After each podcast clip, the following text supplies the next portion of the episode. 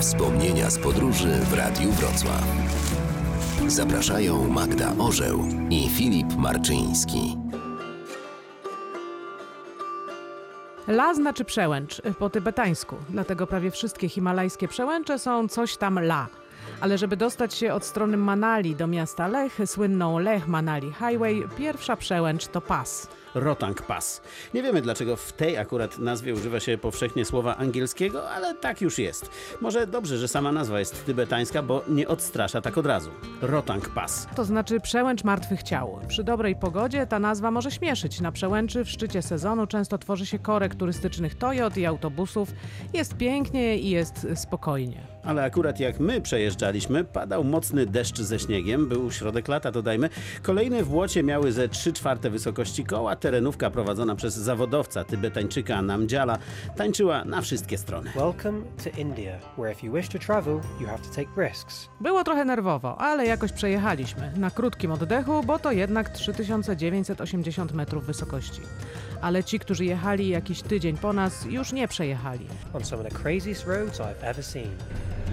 Oh my god.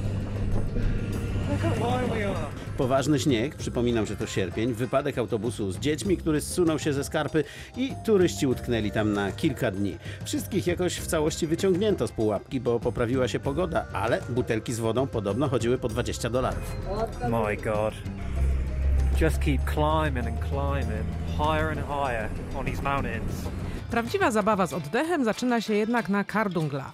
Kiedyś robiła za najwyżej położoną przejezdną drogą przełęcz, bo leżała na 5602 metrach. So we made it to the top of Cardamla, which until recently has been claimed as the highest motorable road in the world.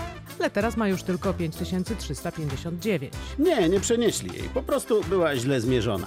Najwyższa jest teraz Semola w Chinach, ale 5300 z hakiem też wystarczy. Plus lekki śnieg i niska temperatura. Plus spory tłok. Do tego miejsca, gdzie koniecznie trzeba sobie zrobić zdjęcie, trudno się było dopchać, bo tam akurat świętowała zdobycie Kardung jakaś miejscowa drużyna siatkarska.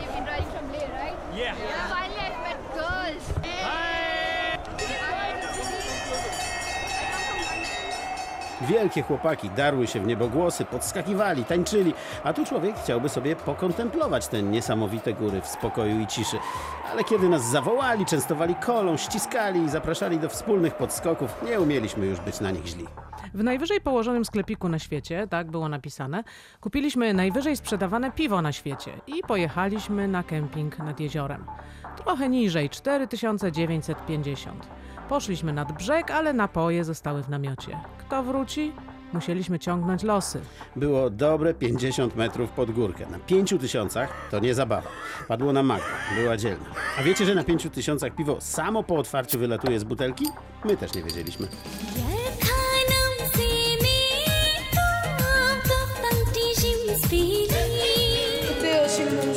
Wspomnienia z podróży w Radiu Wrocław.